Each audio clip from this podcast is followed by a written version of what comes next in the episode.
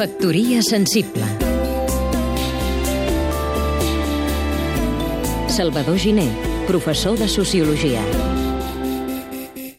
Hi ha una llei sociològica interessant. Els del gremi li diem la llei de ferro o de bronze de l'oligarquia. Vol dir que la tendència dels dirigents a tots els partits polítics, a l'aparell dels estats i a les jerarquies de sindicats, finances i indústria és que s'hi instal·lin a la cúpula i no dimiteixin ni abdiquin. Les excepcions d'aquest moment confirmen el fet general, si us hi fixeu bé.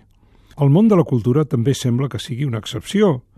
Tret dels seus administradors, que solen ser tan amics de la poltrona com els altres, els veritables creadors viuen molt més a la intempèrie. I, a més, les rivalitats entre artistes, escriptors i intel·lectuals solen ser prou fortes com per a que pràcticament ningú que hi sigui se senti enterament segur. També trobem joves i revolucionaris per als quals posar els mestres contra les cordes o fins i tot desqualificar-los del tot és una joia i un delit. Els justifica, els dona ales i esperança de triomf. Això és esplèndid, encoratjador.